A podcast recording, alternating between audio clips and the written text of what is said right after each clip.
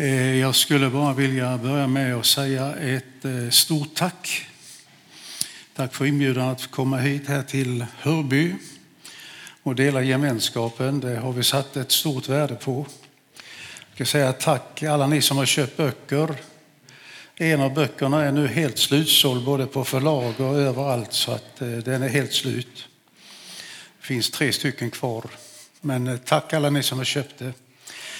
Sen eh, är det någon som har frågat vad är det för eh, smycke som är där nere på den här lilla tavlan som min fru har på bordet. Och det är inte så att vi är smålänningar ute och krämar på hur som helst, va? utan det finns en liten bakgrund till det här. Och det här det hände för eh, några år sedan. Medan vi höll på att åka till Israel med grupper så vi bad alltid till Gud att vi skulle få med, med människor som var sjuka. Vi ville ha med människor som inte var frälsta. För vi tänkte bara få ner dem dit där, sen ordnar nog det mesta till sig. Och, och, vi har fått se så många komma till tro på Gud där nere och för många som har fått det som en, en nytändning i sin kristna tro. Och många sjuka har vi haft med oss. Och eh, när vi då kommer upp till Kapernaum, det blir ju Jesu hemstad, så, så har jag haft en särskild tro för att be till Gud för sjuka i Kapernaum. Därför att det står i evangelierna att när de folket hörde att Jesus var hemma i Kapernaum så bar de dit sjuka och de kom med sjuka. De fyllde hela torget med sjuka och så står det och han botade dem alla. Det står så. Så jag tänkte, är det någonstans som Herren kan bota sjuka så måste det vara i Kapernaum. Eh, det är så min lilla tro har, har liksom fungerat. Och eh, Gud har skickat med mycket folk som vi har fått be till Gud för där och smörja i olja och bedja trons bön och så vidare. Och för några år sedan hade vi med oss en man från eh, Halland. Han har varit ateist, gudsförnekare. Han har gjort mycket, ska vi säga, ställt till mycket problem för kristna människor. Eh, har förnekat allt som har med Gud att göra och så följer han med till Israel. Eh, han och hans fru. Och så kommer vi till Kapernaum då och som vanligt så bjöd jag in till förbön och vi bad för sjuka. Och så kommer den här mannen fram, ställer sig framför mig och så frågar jag, vad vill du att Gud ska göra dig? Och då säger han så här, att han tar bort KOL. Vet ni vad det är? Alltså lungorna var utslagna på mannen. Han sa, jag orkar ingenting. Båda lungorna är helt utslagna och jag vill att jag ska få nya lungor. Och du vet, då växer ju tron så väldigt hög. Nej, den slog rätt ner i backen. Och jag tänkte, det här går ju inte. Det är omöjligt. Men vi var ganska många som valde på grupperna så vi sa vi samlas runt den här mannen och så ber vi till Gud. Och vi smörjer honom med olja. Och Jesu namn plockar vi ut de gamla lungorna och vi tillsade honom nya lungor och vi höll på. Och så vidare. Så var det inte mer med det utan vi åkte vidare. Dagen efter så skulle vi åka upp till staden Safed som ligger alltså längst uppe på berget. Och jag hade inte fått reda på att eh, man hade gjort om vägnätet uppe i staden Safed så att eh, man kunde inte köra upp med bussen. Utan man fick gå 50 stycken höga trappsteg för att komma upp till torget och vi skulle besöka den äldsta synagogan i, i Israel. Och det var varmt. Och när jag hade gått en tre, fyra trappsteg, så tänkte, och det var ju höga trappsteg och sådana här, vet du. då tänkte jag, här går ju aldrig. Gruppen kommer ju aldrig åka upp. Och då tänkte jag, och den här mannen med KOL, han kommer ju aldrig åka. Så jag vänder mig om och tittar efter var han är någonstans. Jag ser i gruppen, han är inte där. Och jag tittar in i bussen, han är inte i bussen heller. Jag tänkte, vad i all världen har han blivit av? Vet du var han var? Han var redan uppe. Först av alla. Så Gud han såg till att mannen blev helbrägdagjord. Och idag är hela familjen frälst. Underbart. Och då tänkte den här mannen, han är en av Sveriges främsta guldsmeder. Han tänker, hur ska jag kunna på något sätt uttrycka en tacksamhet till Gud för det som har skett i mitt liv? Och så kommer vi till Jerusalem och då berättar guiden så här. att utanför Jaffaporten på väg mot Betlehem så har man hittat i en gravkammare en massa olika saker. Bland annat hittade man en liten cigarettfimp som var ungefär så här. Och man skulle just kasta iväg alltihopa när arkeologen kände att nej men det där kan ju vara någonting. Va? Vi, kastar inte, vi kastar inte iväg det. Och så tar man den här lilla, som det visar sig vara en liten guldplatta och skickar iväg den till eh, forskningslaboratorium. Och så småningom så rullar man ut den. Och vet ni vad det är? Det är det äldsta funna bibelfragmentbiten. 600 år äldre än Qumranskrifterna. Och när man hade vecklat ut den så ser man att det är några krumelurer på den här lilla silverplattan. Och så kallas ju experterna in. Och då visar det sig att det är inte hebreiska utan det är språket som är före hebreiskan, finisiska. Och när de läser det så står det Herren välsigne dig och bevara dig. Herren låter sitt ansikte lysa över dig och vara dig nådig. Alltså den aronitiska välsignelsen.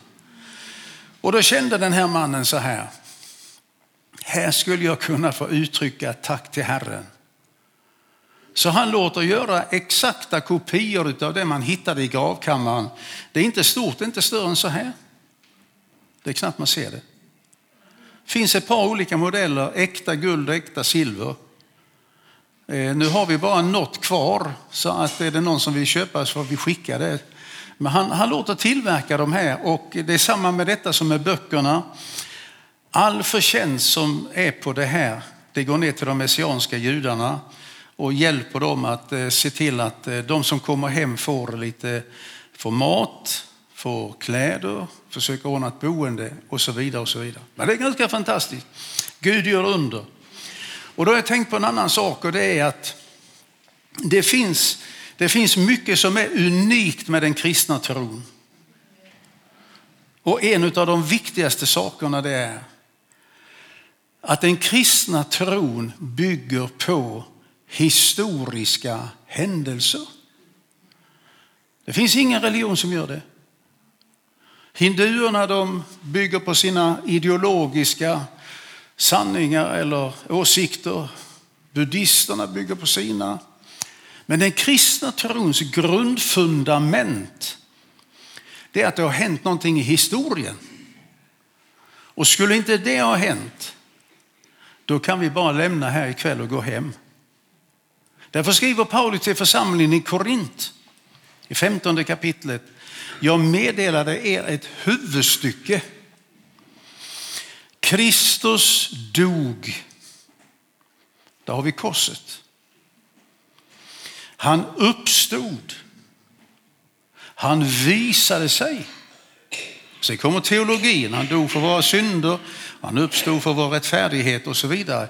Men om inte detta har hänt, att han har dött och att han har uppstått igen.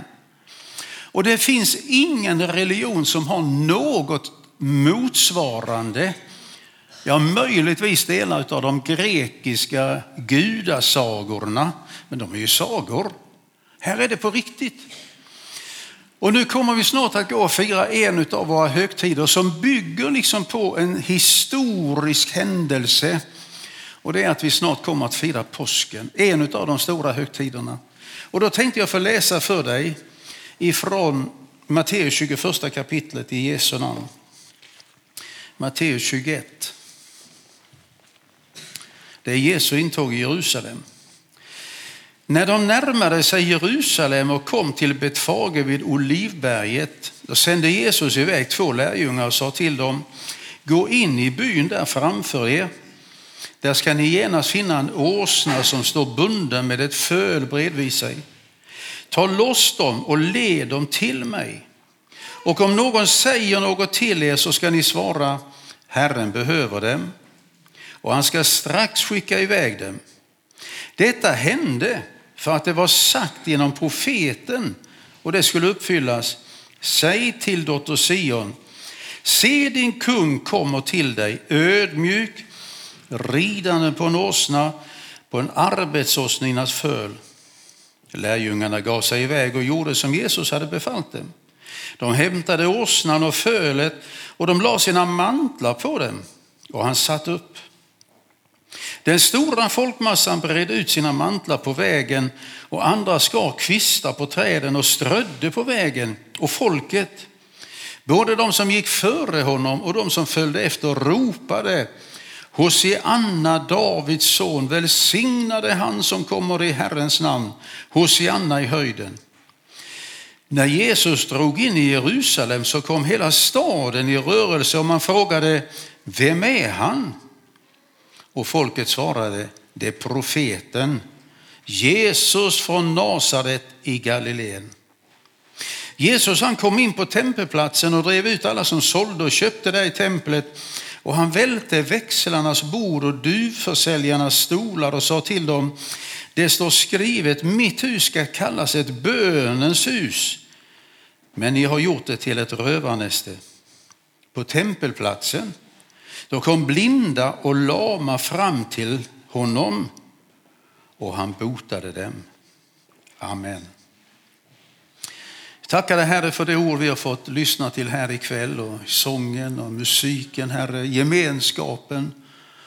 Jag bara tackar dig för att det finns i den här världen som är djävulens våld, så säger du själv Herre, så finns det en gemenskap som är så god, så innerlig. Och nu ber vi helig Ande att du kastar ljus över detta ditt ord. Vi ber om detta i Jesu Kristi namn. Amen. När jag läser den här texten så, så kan jag ju liksom inte låta bli utan att, att tänka lite på lärjungarna. Alltså de har gått med Jesus nu i tre år. De har sett sjuka bli helade.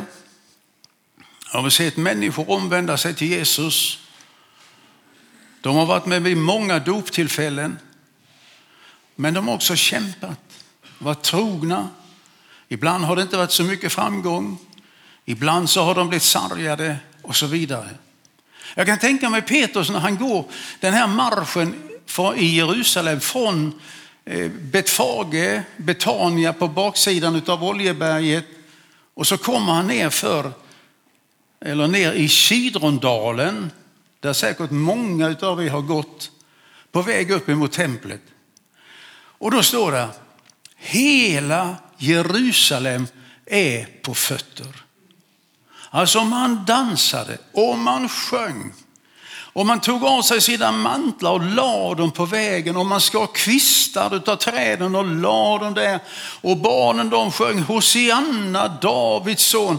Alltså vi anar någonting av det när vi får lov i en kristen församling 2000 år senare att sjunga Hosianna, Davids son. Inte sant? Alltså jag kan tänka mig Petrus viskar till Johannes och säger, du, äntligen har folk förstått vilka vi är. Äntligen så har de insett att han som rider på det här fölet, det är ingen vanlig jude. Äntligen så har vi fått lite grann ersättning för all den kamp vi har gjort. Alla uppoffringar vi har gjort under tre års tid. Och hela Jerusalem var på, på fötterna.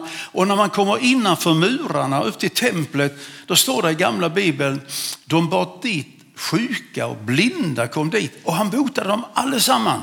Alltså vilket möte! Jag skulle gärna vilja vara med en sån där gång. Inte när man hör talas om att, bli, att människor kan bli friska, men att de blir det.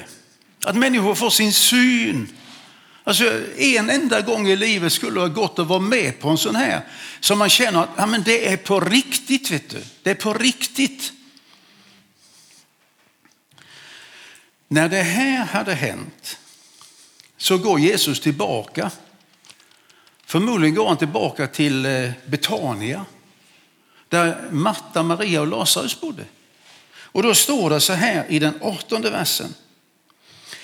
När Jesus tidigt på morgonen var på väg tillbaka till Jerusalem, alltså från Betania, då blev han hungrig. Det är därför vi har kaffeserveringar, inte sant? Han blev hungrig.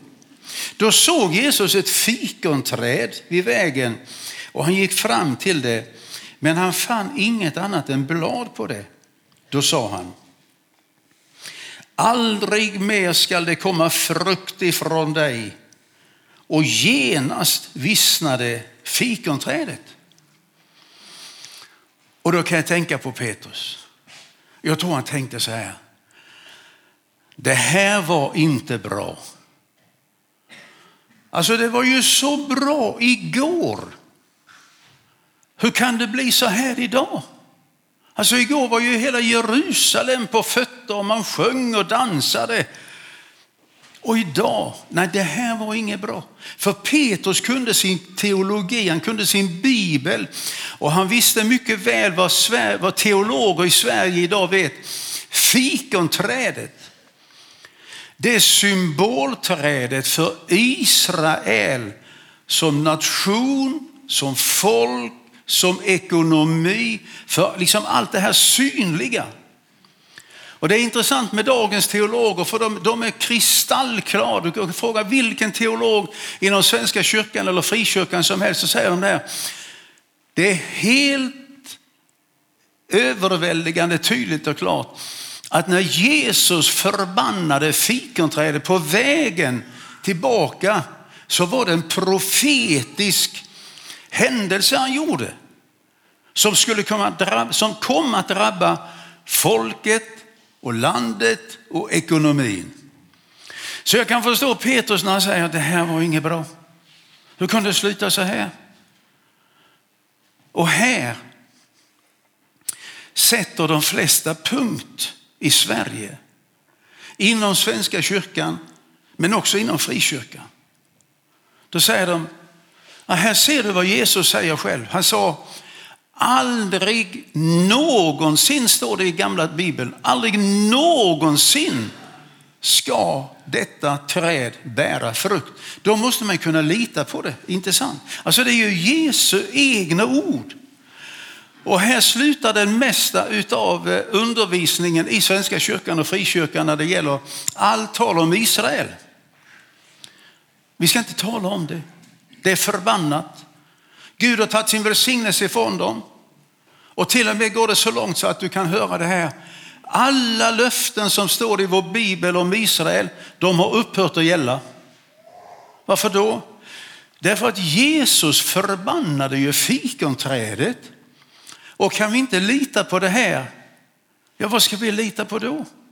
Vad hjälper det då att det finns en grupp som heter Israels vänner? Om de lever under förbannelsen, det är ju liksom som att verkligen gå i motvind, inte sant?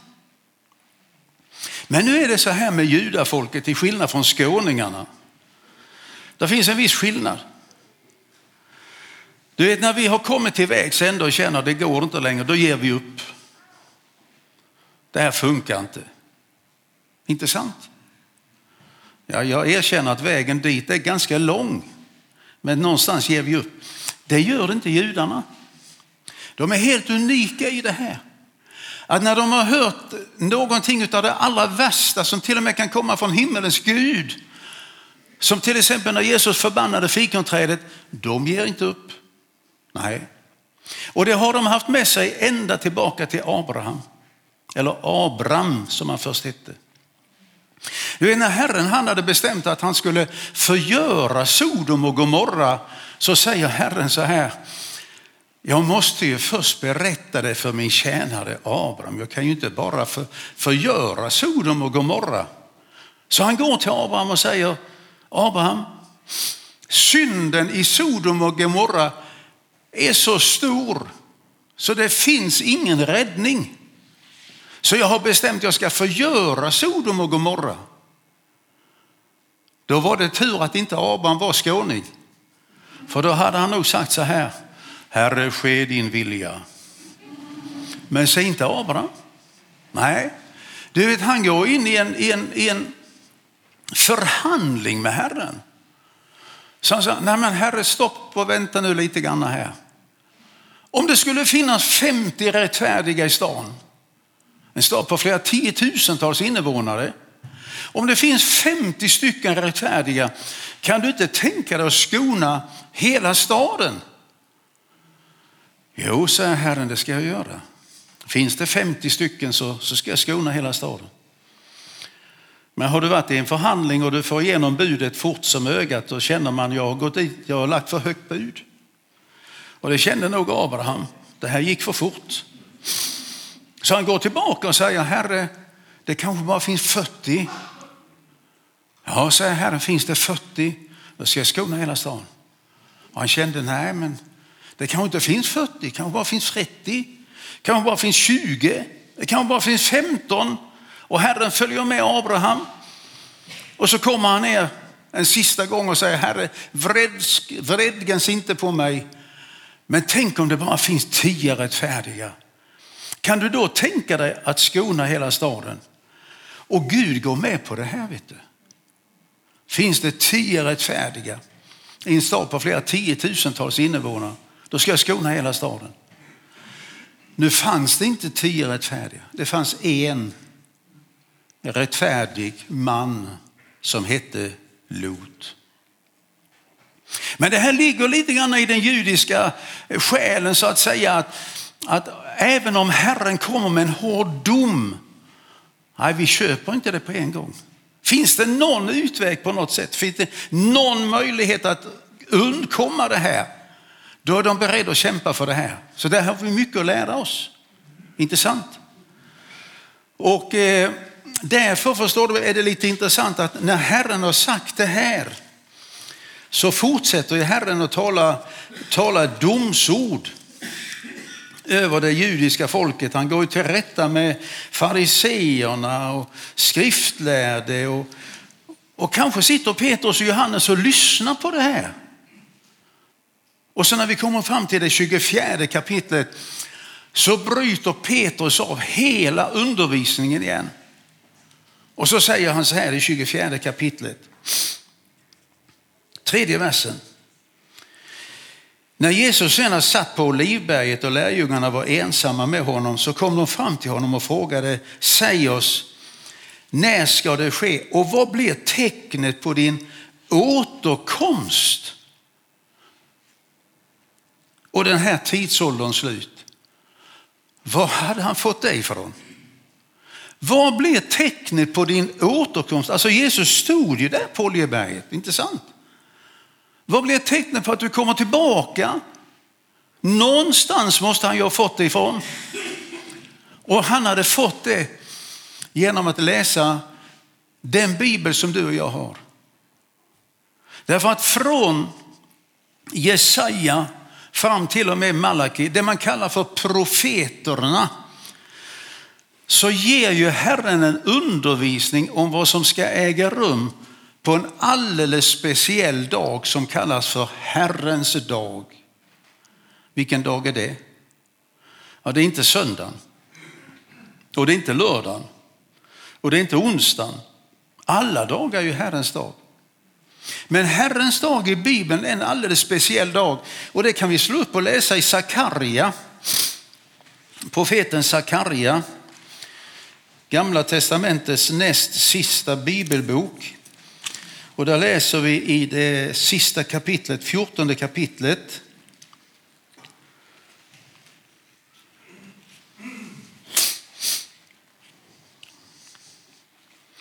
Där säger Herren så här. Jag har fått en ny bibel, vet du, och det en ny bibel, det är en ny bibel.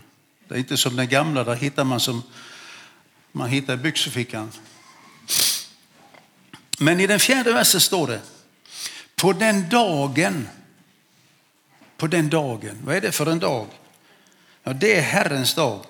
Ska han stå med sina fötter på Olivberget? Och det här känner de ortodoxa judarna till att, att i det profetiska ordet så är det inte bara det att Jesus han skulle födas i Betlehem. I det profetiska ordet så är det framför allting annat det här en dag skall Messias komma och han ska ställa fötterna på Olivberget. Det känner varenda ortodox jude till. Och när du kommer till Israel och går ner till västra muren eller du går in i en synagoga och de ber, för de ber ju sju dagar i veckan, 24 timmar om dygnet. Inte så att alla är där, men de har bönetjänst. Så en av deras främsta och mesta bönämnen är det här. Herre, låt dagen snart vara inne när du kommer. Man längtar efter det. Och det här kände ju säkert Petrus till för han kunde ju sin bibel. Och så avbryter han Jesus och säger, Herre, säg oss när ska det ske?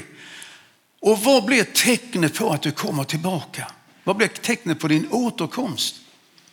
Då går vi tillbaka till, till eh, eh Matteus evangeliet. Då gör Jesus någonting som bara han kan göra. Och som jag har frågat många teologer i Sverige om, vad syftar Jesus på när han berättar det här? Och de jag har frågat hittills, de har sagt, vi förstår ingenting av det där. Vi fattar inte vad han menar. Men det är Jesus som säger det som svar på Petrus fråga, vad blir tecknet på att du kommer tillbaka? Och då går vi till Matteus, samma kapitel, flyttar fram några verser till den 32 versen. Där står det, lär en jämförelse med fikonträdet. Redan när kvisten blir mjuk och bladen spricker ut så vet ni att sommaren är nära. På samma sätt vet ni när ni ser allt detta att han är nära och står för dörren. Jag säger i sanningen, det här släktet ska inte förgå förrän allt detta sker. Och ska vi ta den sista meningen först så säger Jesus så här, eh, har du, har du en bibel med lite noter under så står det också i en not under vilket ord Jesus använder. Och det är, det är ordet genea. Det han säger det är, den generation som ser att fikonträdet knoppas, den generationen ska inte förgå förrän allt har skett. Det är vad Jesus säger. Får du tycka vad du vill. Men det är anmärkningsvärt att dagen före så förbannade Jesus fikonträdet och sa det ska aldrig mer bära frukt. Och nästa dag säger han till lärjungarna, lär en jämförelse med fikonträdet.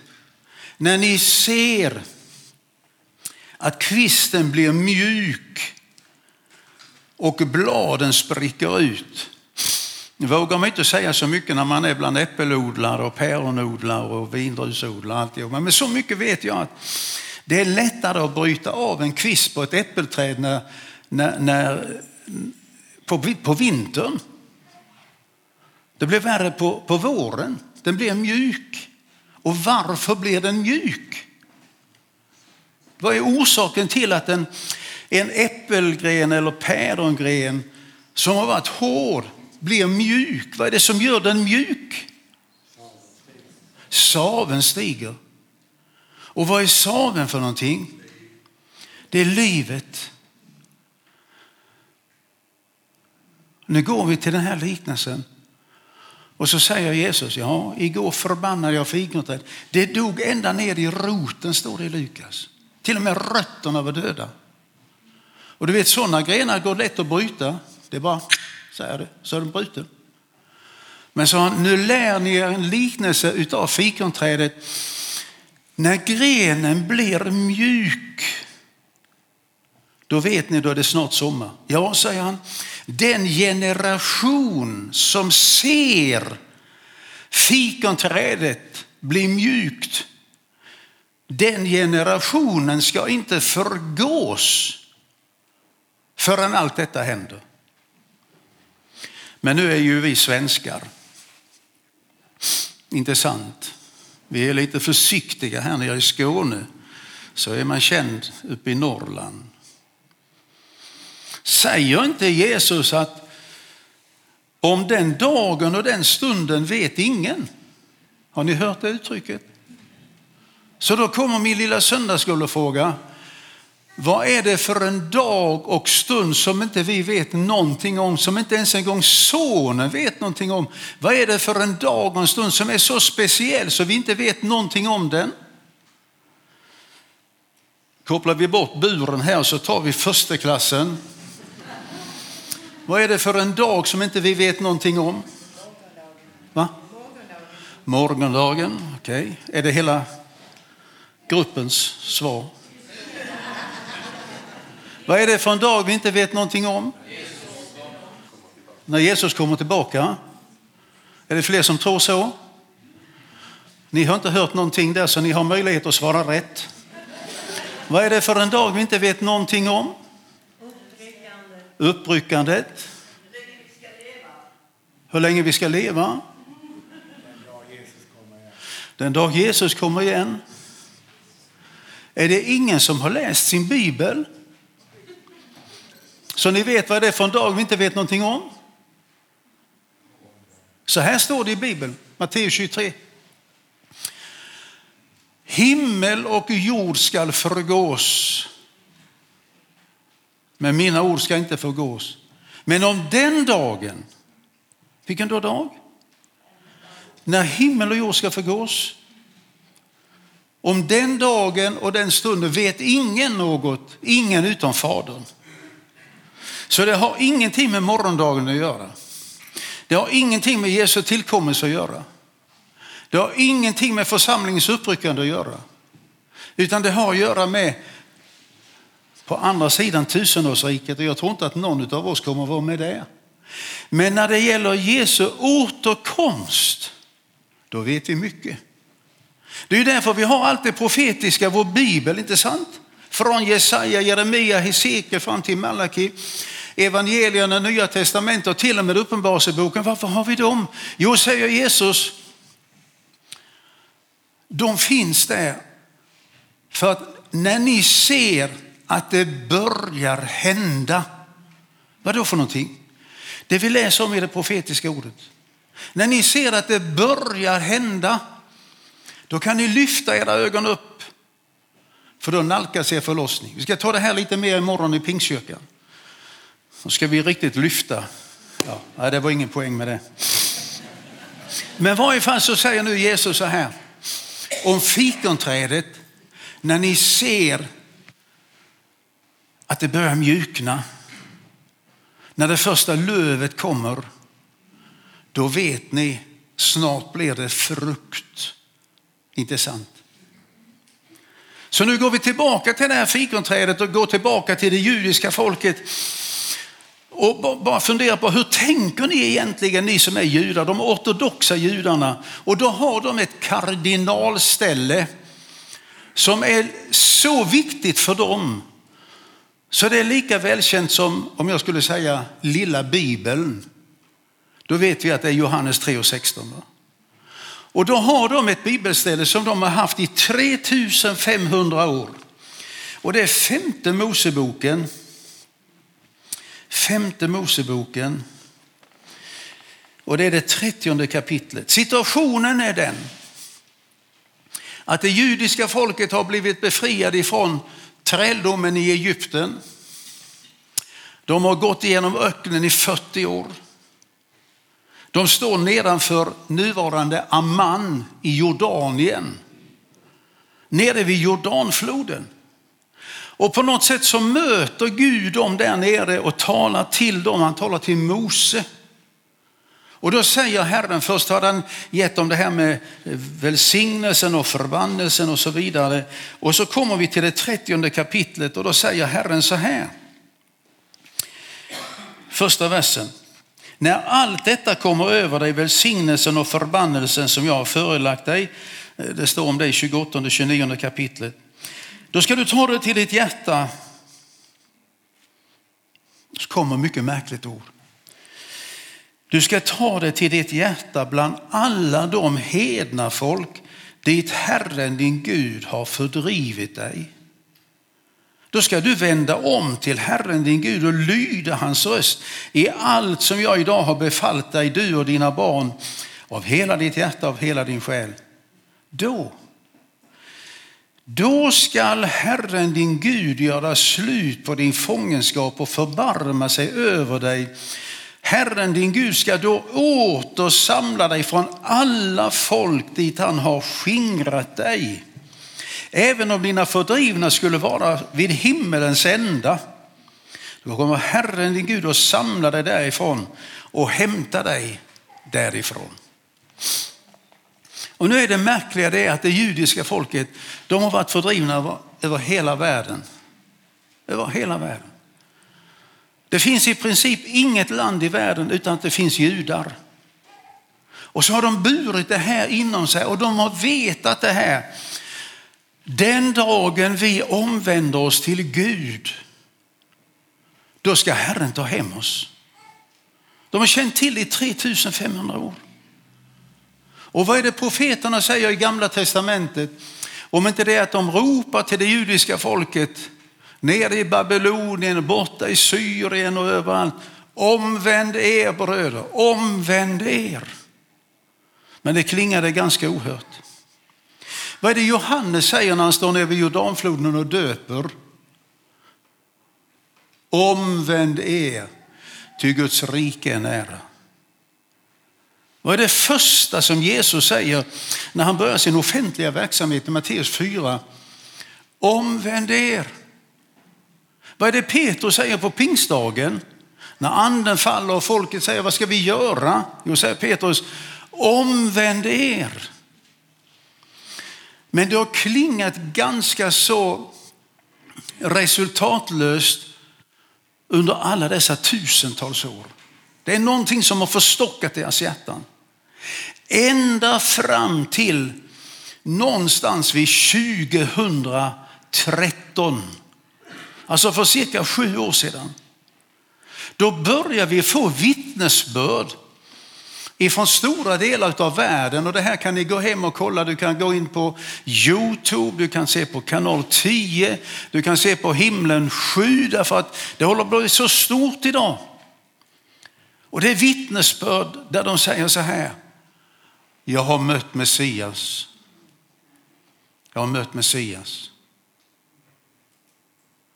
Det kommer vittnesbörd om folk som sitter i synagogorna som de har suttit i hundratals år. De har läst sina böner, de har läst sina bibelställen, de har sjungit sina sånger och, och så vidare. Och så vidare. Och så plötsligt kommer det, när vi samlades i synagogan så står det en vitklädd gestalt längst fram.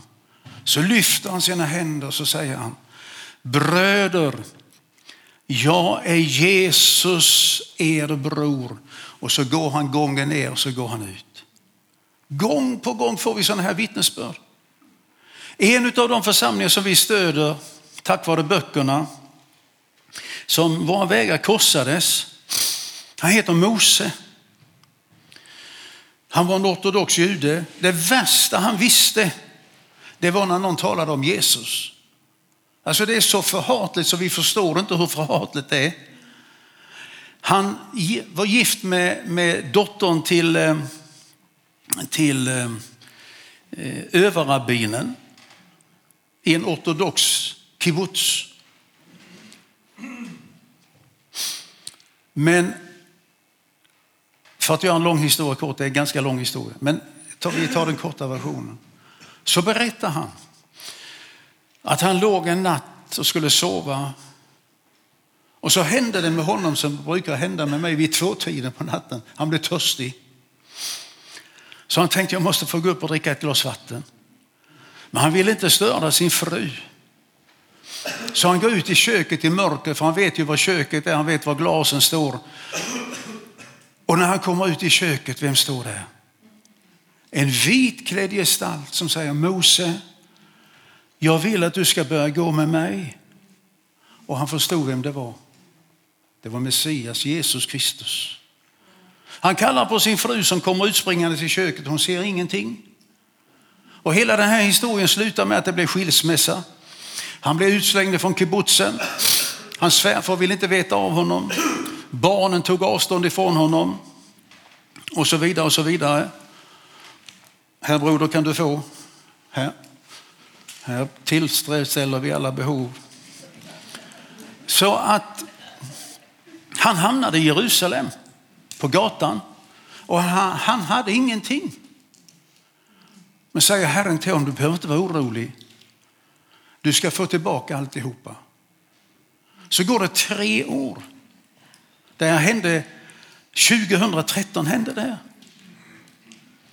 Då ringer telefonen och då är det hans fru som ringer. Och så säger hon så här, Mose, vet du vem jag har sett? Kan ni gissa vem? Messias. Skulle vi kunna få träffas igen? Och nu är de gifta, barnen har kommit till tro på Jesus och så arbetar de liksom för det här. Och det här går nu väldigt fort. vet du. Vi arbetar dels emot Mose och så emot en broder nere i Ashdod som ligger söder om Tel Aviv som han heter Israel. Israel Pokter. Han har en församling där nere som alltså den bara växer. Nu har han fått flytta in i en stor, väldigt fin kyrka. Jag tror inte han kallar det för kyrka för de blir inte kristna, de blir inte baptister, de blir inte EFS-are ens en gång. De är judar, men de har förstått Jesus. Så att jag har frågat Israel mer än en gång, hur, hur, hur går det med det här? vet du? Jag berättade i eftermiddags. Han räknar med att det kunde vara mellan 300 och 400 000. Och så läser jag tidningen i förra veckan, Hemmets vän. En artikel skriven av en av de judiska ledarna som tror att idag räknar vi med att cirka en miljon judar har sett Jesus och tagit emot honom i sina hjärtan. Tagit emot den heliga ande. Det sker idag.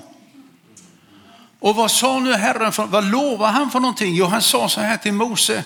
Mose, ni kommer att skingras ut över hela världen. Men den dag när ni omvänder er, då ska jag ta hem er. 2013 och idag så bor merparten av judar i Israel. Alla judar bor inte där, nej, men merparten. Så från att det har bott eh, cirka 800-900 000 judar för några år sedan så bor det idag över 8 miljoner judar plus palestinier, plus araber, plus eh, druser och så vidare. Så det är mycket folk där nere idag. Den som är, alltså den judiska gemenskapen till skillnad från den kristna, men den judiska gemenskapen styrs utav överrabbinerna. Och längst uppe i skorren så sitter han som är högsten. Han som liksom har daglig kontakt med Gud. Hans ord är så som vore det Guds ord.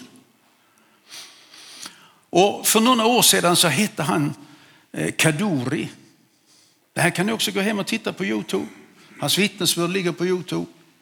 Gammal man, han blev lite över hundra år gammal. Men innan han dog så hände det någonting i hans liv. Och han vittnar om det, den gamle mannen med käppen och säger, jag har mött vår Messias. Och så kallar han hem till sitt hem alla rabbinerna i Göteborg, höll jag på att säga, men i Jerusalem.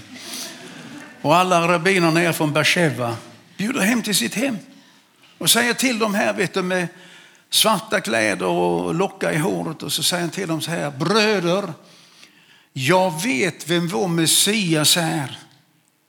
Han heter Jesus Kristus och han har en gång gått här nere på Jerusalems gator och det är honom vi väntar på bröder. Jag talar med honom varje dag. Och han bad till Gud för sjuka och de blev helade. Och han förkunnade evangeliet och människor kom till tro på Herren. Alltså idag händer det mycket ibland det judiska folket. Fast det säger man inte i Sverige. Man talar ju bara om hur vi ska bojkotta och hur vi ska begränsa dem och, och hur de försvarar sig så här. Men jag säger mitt i det här så gör Gud någonting. Och jag, när jag står här kan jag bara få säga det här. Fikonträdet håller definitivt på att mjukas upp. Det gör det. Det fikonträdet som, Gud, som Jesus förbannade, det håller på att mjukas upp. Grenen håller på att bli mjuk. Och då säger Jesus, den generation som ser det den generationen ska inte förgå förrän allt detta har skett. Ni får tycka vad ni vill, men då får ni klaga på Jesus. För det är han som säger det. Så när folk säger så här, vi vet inte mycket om morgondagen, då kan jag bara säga, gå hem och läs din bibel lite mer. Där har vi det, vet du. Där har vi alltihopa. Vi tillhör den generationen som ser hur det här folket i Mellanöstern, som har varit ut över hela världen, kommer hem i miljoner. Vi har inte så många judar kvar i Sverige idag. Vi har några stycken, eh, jag tror det är ett par hundra stycken judar nere i Malmö. Jag har träffat dem och de säger vi kan inte bo i Malmö. Det går inte. Vi träffade en jude, en, en, en jude som sa så här att när jag går på Malmös gator så kommer Malmöborna fram till mig, spottar mig rätt i ansiktet och säger tvi ditt judesvin. Vi har inte många judar kvar. Vi har inte många judar kvar i Ukraina eller Rumänien. Man kan nästan inte bo i London. De är på väg hem. I miljoner. Och vi sitter här och säger, ja det blir nog likadant som det har varit. Det blir inte det. För du vet, han som föddes i Betlehem, han som dog på ett kors, han som uppstod igen. När han lyftes inför lärjungarnas ögon så säger ängeln så här, han skall komma tillbaka på samma sätt. Och det är därför som vi har det profetiska ordet från Jesaja till Malaki. Gå hem och läs. Se vad som står där. Se när det äger rum. Och vi kan bara läsa det här och känna det här. Vi har inte 20 år till i varje fall. Det har vi inte. Amen. Är det inte underbart? Jag trodde någon skulle säga halleluja. Snart är det över. Vet du? Va? Vi har inte 20 år till. Man kan bara fundera på hur lång är en generation?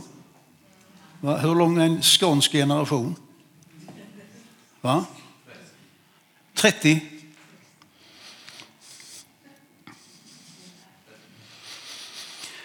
Ja, generation är 28,7 så det var ju ganska nära. Om du går in på Google och googlar på det, nu ser ni, ta fram telefonerna, googla på en generation. Men, men eh, det är kanske inte riktigt så Jesus menar. Därför att han säger att den generation som ser det ska inte förgå. Så att eh, det, var man tio år när man såg det så, så dör man ju inte vid 30 år. Utan generationen fortsätter ju. Men vi har inte 20 år på oss. Komma hem till himlen och vara rik, det är ingen, det är ingen höjdare. Känna att jag har portfölj med guld, det finns massor. Och komma hem till himlen och vara uttröttad, det är bortkastat. Därför där ska vi vara vila vid gröna ängar så länge du vill. Men vi har inte 20 år på oss. Jag bara tackar dig Herre. Tack för att du är historiens Gud Herre. Och tack Herre för att du kom precis så som det profetiska ordet sa. Och du uppfyllde Herre profetiorna i din död och uppståndelse. Och jag tackar dig Jesus Kristus för att du ska komma tillbaka. Och du har inte lämnat oss i ovisshet utan du har gett det profetiska skeendet. Och du har sagt Herre när vi ser att det här börjar äga rum, då kan vi lyfta våra ögon upp. Vi står ju mitt uppe i det Herre. Så jag ber dig för oss som är här ikväll, du vet hur vi har det var och en. Du vet också Herre om det finns någon här som, som inte tillhör dig, som inte är beredd Jesus när du skulle ta hem oss. Och jag ber dig Herre att du blir övertydlig för dessa människor Herre och du klappar på hjärtats dörr och du vill gå in och hålla måltid med honom och henne Herre. Jag bara ber att någon, kanske flera stycken här ikväll skulle få knäppa händerna och säga Jesus, är det på riktigt? Ja, det är ju på riktigt. Jesus, vi tar bara emot dig i våra hjärtan. Och vi bara inbjuder dig Herre. Och vi bara tackar dig för det som vi fick sjunga här. Min framtidsdag är ljus och lång. Vi lovar och vi tackar dig. Herre, det är så spännande att få vara med och leva i den här generationen. I Jesu Kristi namn. Amen. Amen. Ingvar försökte få till om, om det var någon som satt med någon fråga. Vi sa vi kan ta det här. Är det någon som har en fråga får man ställa den. Sen lovar vi inte kunna svara på den, men man får ställa frågan. Ja?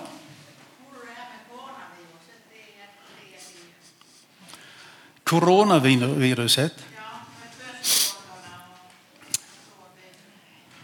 Det står inte om det i Bibeln. Det gör det inte. Men jag tror det är ett Guds finger. Det tror jag. Men jag säger inte att det står i Bibeln. Men säger att det är min tro. Började inte vinträdet att grönska att sadeln stiga redan 1948? Ja. Men alltså saven, jag tror ju så här, eftersom Gud säger det. Han säger, jag ska, jag ska ta er från ett land och plantera er i Israel. Amos nionde kapitel. Jag ska plantera er där. Det tror jag är, det är liksom att han planterade det där. Men saven är ju ett tecken på det här inneboende osynliga livet. Och jag tror att det hör samman med den helige ande. Därför att judarna kan vara, de är judar, de är inte skåningar, va? de är judar. Och de kan vara ganska hårda. Och de är affärsmän och de är, de är mycket. Men när de tar emot den helige ande så är det precis som med kung Saul. Att profeten säger så här, du blir en annan människa. Och det är vad de blir. Det, det händer någonting i hela deras personlighet. Så jag tror alltså att 48, då planterar Gud dem i sitt land. Och han ska inte rycka bort dem mer. Men det som äger rum nu det är det osynliga saven som stiger. Jag säger inte att jag har rätt, men jag säger så ser jag på det. Mm. Ja. Jag har varit inför Gud många, många år, natt och dag. Och jag har fått uppenbarelse att eh, ju- alla judar ska komma hem till Israel. Och när de kom dit, sen fick jag uppenbarelse om att eh, sen ska de med tiden komma ut i alla länder som de är tvungna i och vara evangelister. Och jag tror jag hittade det i Bibeln också, det står det också. Ja, vår broder säger han har haft drömmar om att alla judar ska komma hem. Och när de kommer hem så ska de få del av det som har med Gud att göra. Sen ska de gå ut över hela världen. Det står i Jesaja 66. Så att, eh, spännande att vara med vet du. Spännande att vara med. Det finns ju 17 miljoner judar i världen ungefär. 15 miljoner, ja. ja. Då fattas det 5 miljoner. Eh, Eller sju kanske då för att komma till Israel. ja. Är det troligt att alla kommer till Israel? Ja, du vet, här talar vi inte om vad som är troligt.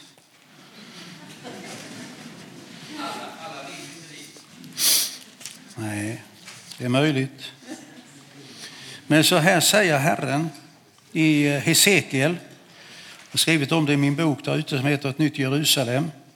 Men så här säger Herren, Hesekiel 39 när han tar hem dem. Då ska de inse att jag är Herren deras Gud som förde dem bort i fångenskap bland hedna folk och sedan samlade dem igen till deras eget land igen och inte lät någon enda bli kvar där ute. Jag tror, jag säger det, jag förstår inte hur det här ska gå till. Men de har ju inte det land som Gud har lovat dem. De ska ju ha lite större än vad de har, inte sant?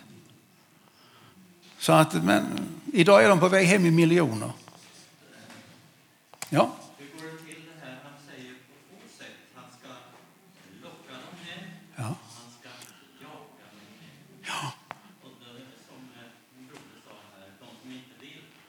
de som inte.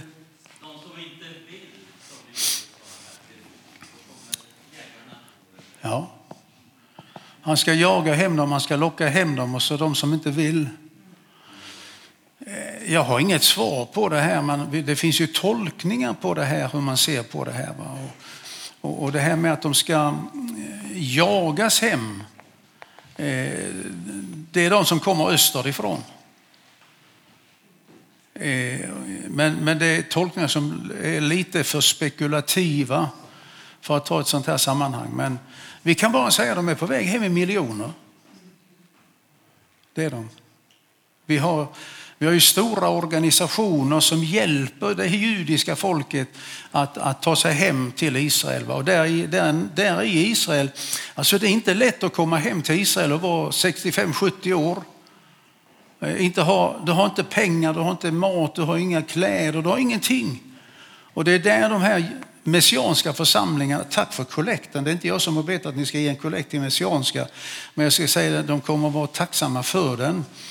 För där står messianska församlingar över hela Israel och, och ger dem lite mat och kläder och så vidare. Och så vidare. Ja, Den tilltagande antisemitismen som är då.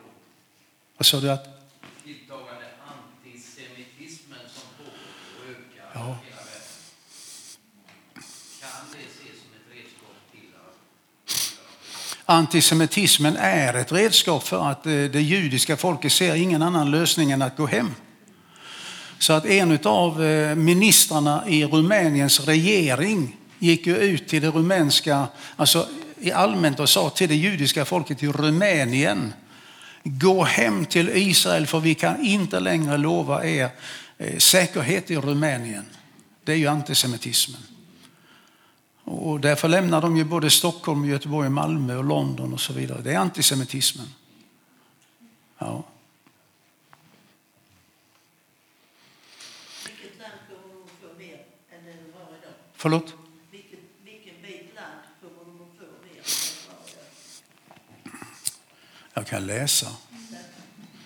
Så behöver vi inte spekulera. Nej, vi ska inte spekulera någonting. Men vi kan läsa. Eh, Frågan är vilket land ska de ha? Om de nu ska ha mer land än vad de har. För i Sverige, alltså vi har, vi har fyra agendor för hur vi ser på Israel. Vi har en politisk agenda. Det är vår regering. Det är EU och det är FN. Den politiska agendan så ska Israel ha mindre land än vad de har idag. Sen har vi den journalistiska agendan. De vill bojkotta allt som kommer från Israel. Sen har vi den juridiska agendan som inte talar så mycket om.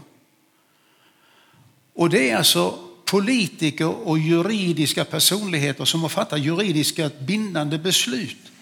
Där det viktigaste är avtalet i San Remo 1920 som sen FN övertog som ett bindande politiskt beslut. Och sen har vi den fjärde agendan och den här boken. Sen får man tycka vad man vill. Men jag säger Gud gör precis det han vill. Men han har lovat Abraham följande och säger så här i första Moseboken 15 kapitel. Åt dina efterkommande skall jag ge detta land. Från Egyptens flod. Vad är det? Ja. ja. Alltså när ni säger att det är Nilen så tänker ni som svenskar. Tänker där är ju ett vatten där va? Ja. Men det är inte Nilen. Nej. Utan när Israel blev anfallet av eh, Egypten 1967 så kunde Israel trycka tillbaka Egyptens folk och ta hela Sinai-halvön. Kommer ni ihåg det? De hittade oljekällor, de byggde flygfält och så vidare. Alltihopa det. En dag lämnar man tillbaka hela Sinai-halvön. Det hade man inte behövt göra. För det var inte ockuperad mark. Men man lämnar tillbaka hela Sinai-halvön till Egypten. Är det någon som kommer ihåg argumentet? Nej. Precis. Premiärministern tittar in i tv-kameran och så ska han svara på frågan varför lämnar ni tillbaka hela Sinai-halvön? Det hade ni inte behövt göra. Då sa han bara, vi har aldrig fått det av Herren. Det är argument bland politiker. Så där gränsen går idag, en mil söder om Eilat, upp till Medelhavet. På den tiden när det här skrevs, säger det judiska folket, så var det en, en vattenförbindelse. Finns det inte idag. Och den kallas för Egyptens bäck. Så det, det judiska folket säger, där gick gränsen, det har vi fått av Herren. Men så säger Herren en gräns till. Och ända till den stora floden, floden Eufrat. Var ligger den?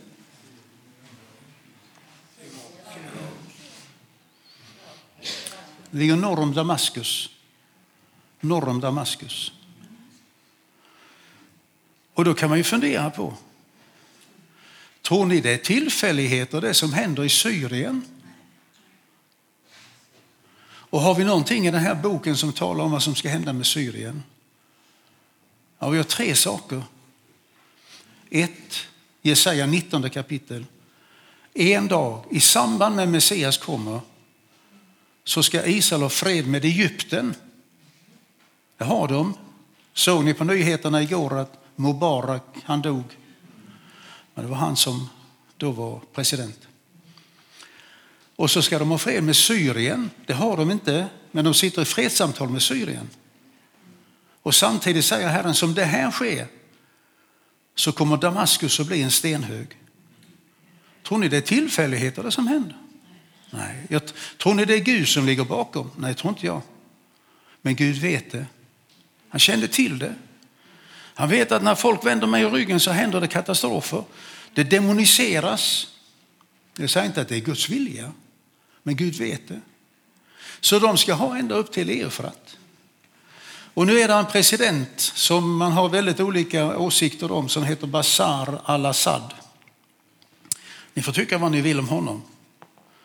Och jag känner inte honom personligen. Men han har fattat ett beslut som jag tycker var intressant. Och det är att Syrien ska inte kriga med Israel. Utan Syrien ska sträva efter att få fred med Israel. Och sen han fattade det beslutet så har Syrien och Israel inte haft några intermezzo, inga krig.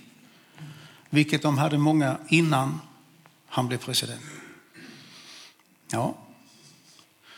Ska ni hinna titta på nyheterna ikväll så får vi snart sluta. Ja, men visst är det väl intressant. Det är på nyheterna varje dag.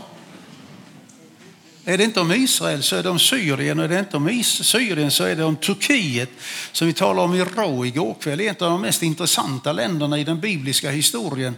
Alltså vi lever ju mitt i händelsernas centrum. Vi sitter på åskådarplats. Vi sitter på parkett. Och så vet vi att bortom det där, då kommer han. Messias, Jesus Kristus. Jag känner inte er, jag vet inte hur du har det, men se till att du har det gott med Gud. Se till att du har tagit emot en helig ande. Se till att du har frid i din själ min vän. För vi är inte kvar här så länge till. Vi är inte kvar så länge till. Jesus, tack för att vi får leva i den generationen när, när allt detta sker framför våra ögon. Låt oss få se det Herre och låt oss få läsa ditt ord Herre och känna att vi Ja, nu händer det och nu händer det och nu händer Tack för att vi har ljus över morgondagen. Veckan som kommer, Herre. Och vi tackar dig, Herre, för att du styr konungarnas hjärtan som vattenbäckar. Välsigna oss var och en. I Jesu namn. Amen. Jag var i Rå igår kväll. Var det igår kväll? Ja. ja? Det var rätt så. Det var rätt så. Då, då talade jag om Turkiet. Och då sa jag bland annat så här. Erdogan, han har hotat hela världen med att om jag inte får lov att driva ut kurderna så öppnar jag på flyktinglägen där det är över fem miljoner flyktingar. Och då får vi här uppe ta hand om alltihopa det här. Kommer du ihåg det Bengt? I morse på nyheterna, då säger han, nu öppnar jag. Nu kör de tusentals flyktingar bara från Turkiet och så sätter de igång en massrörelse. Det är mellan fem och sex miljoner flyktingar. Det står här. Nu blev vi en läsarrörelse så vi vet utifrån det profetiska vad som äger rum. Vill du fördjupa dig lite och få hjälp med det här så får du gärna titta på böckerna. Ett nytt Jerusalem det är en bibelförklarande bok till Hesekiel. Vad jag tycker är fantastiskt att få leva nu. Nu är det amen.